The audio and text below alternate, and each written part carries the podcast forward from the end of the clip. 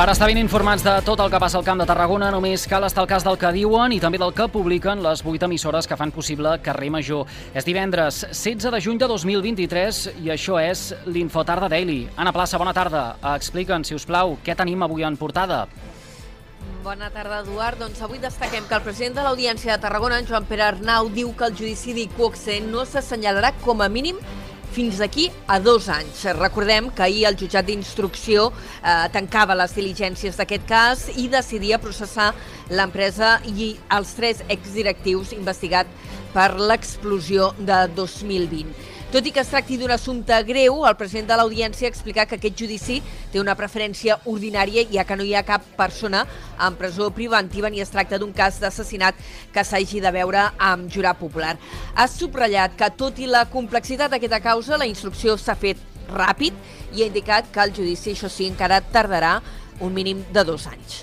És que tres anys d'instrucció per un assumpte tan complex crec que s'ha fet una bona, una bona tasca, eh, ara arribarà a judici, ja dic, a la secció 4 de l'Audiència Provincial, on podrem fer el judici molt probablement d'aquí un parell d'anys, Pere Arnau també preveu que la instrucció d'una altra de les peces separades que té el cas Iquoxe, el que fa referència a la concessió suposadament irregular de llicències, estigui enllestida, s'hagi acabat la instrucció passat aquest estiu.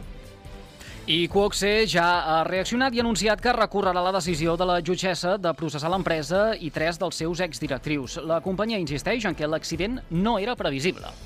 Ho deia ahir al vespre en un comunicat i Coxe afirma que el, el reactor que es va accidentar reunia les màximes mesures i garanties de seguretat i havia estat sotmès a totes les revisions que preveu la llei. L'última s'havia fet just un mes abans de l'accident i s'havia superat. L'empresa també destaca que el producte que s'havia elaborat al reactor ja s'havia fet abans sense problemes. Sobre aquest tema, la companyia recorda que l'informe pericial que es va encarregar a l'Institut Químic de Sarrià concluïa que no hi havia estudis ni experiències prèvies arreu del món que indiquessin que aquest producte pogués explotar, explotar en determinades circumstàncies. D'altra banda, la companyia ha assenyalat que s'ha fet responsable ja de tots els danys ocasionats per l'explosió i que ha indemnitzat els afectats pels danys materials. Canviem de tema. Avui en portada també hem d'explicar que els fets delictius a la demarcació de Tarragona van créixer un 8,5% l'any 2022 i es xifren en més de 56.000.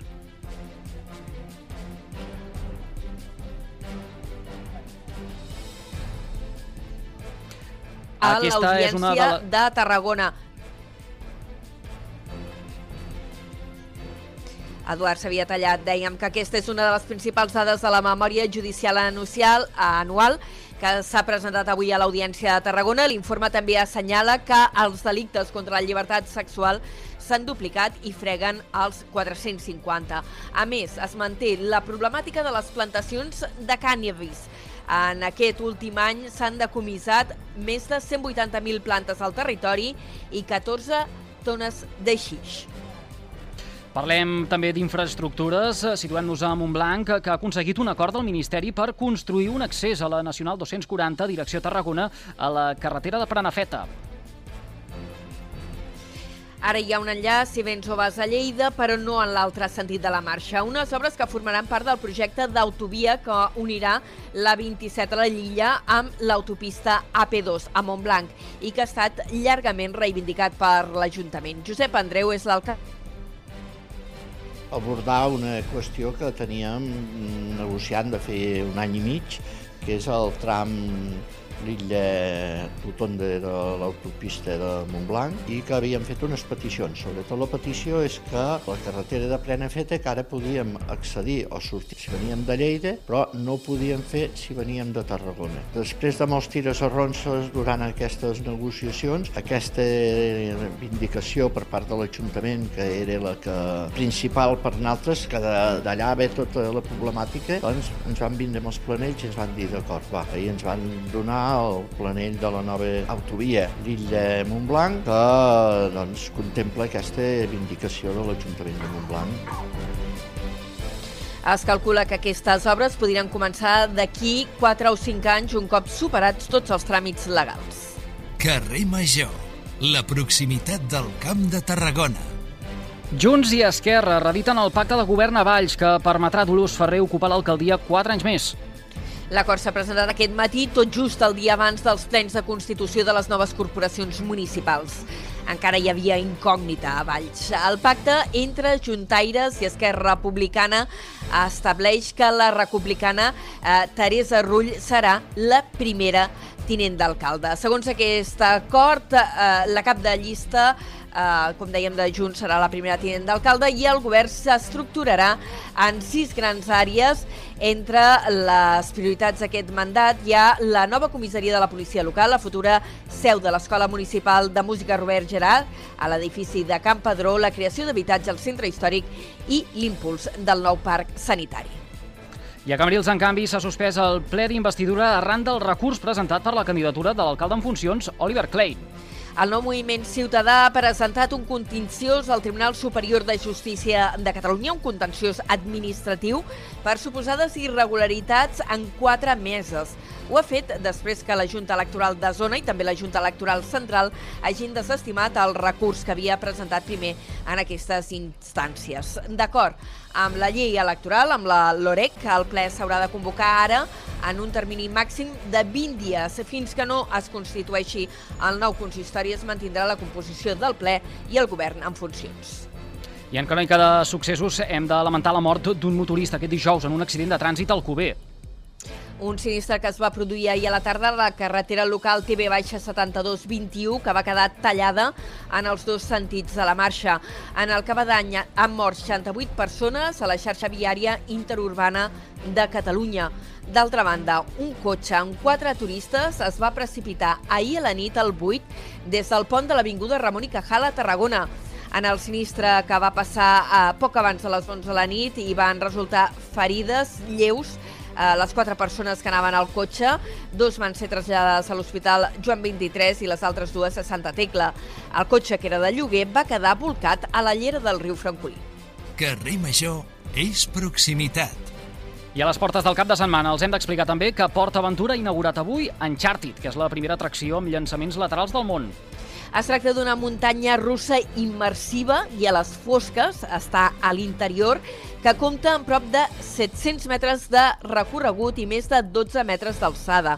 L'interior de la cova on passa tota l'acció està ambientada en les pel·lícules del videojoc Uncharted, que està protagonitzat per Tom Holland i Mark Wahlberg. Aquesta era la reacció d'un dels primers passatgers de l'atracció, el, TikTok, el tiktoker Toni Villaró. Doncs m'esperava alguna encara una miqueta més baixat, primer perquè la tematització és molt bona, o sigui, el treball que hi ha dins és de, com estàs en una pel·lícula, i, i després que m'esperava una coseta una miqueta més light. O sigui, així que m'ha semblat, m'ha semblat molt xula, ha superat les expectatives, realment. Doncs aquesta gran novetat de Port Aventura que ha suposat una inversió d'atenció de 25 milions d'euros. Carrer Major, fent camp de Tarragona. Dit tot això, coneguem quin temps ens espera de cara a les properes hores i connectem amb el Servei Meteorològic de la xarxa de comunicació local. Lluís Mi Pérez, hola, molt bona tarda. Sens dubte que la notícia de la meteorologia d'aquestes immediates hores i de tot el cap de setmana serà la calor. Aquesta tarda estarem parlant de moltes màximes entre els 30 i 34 o 35 graus que arribarem a assolir a la banda més baixa del Segre i de moment a aquestes immediates hores amb poques nuvolades. No esperem que hi hagi tempesta o com a molt alguna gotellada a cavall del Lluçanès, del nord d'Osona, del sud del Ripollès, també cap al Solsonès i al Berguedà o cap a la Garrotxa no parlarem d'altra cosa, bàsicament, de sol i calor. Pel que fa demà, sí que tindrem algunes tempestes a la tarda, primer al Pirineu, i atenció demà a la tarda i vespre. Hi haurà alguna tempesta forta amb ventades destacables i alguna pedregada a les comarques de Lleida, també l'interior de l'Ebre. La matinada de demà a diumenge algun ruixat a la resta del país, fugaç, molta suavitat i diumenge un altre dia de calor, sobretot a Girona, i només algun ruixadet molt poc important al Pirineu durant la tarda. Us seguirem a la xarxa. Ara sí, doncs ho deixarem aquí a la plaça. Gràcies per aquesta pinzellada informativa amb el més destacat de la jornada al Camp de Tarragona. Que vagi bé a reveure. Adéu-siau, fins després. I tots vostès poden recuperar l'Infotard de Daily d'aquest divendres 16 de juny mitjançant les xarxes socials i també els respectius serveis de ràdio a la carta a les 8 emissores que cada tarda passegen plegades pel carrer Major. Gràcies per seguir-nos.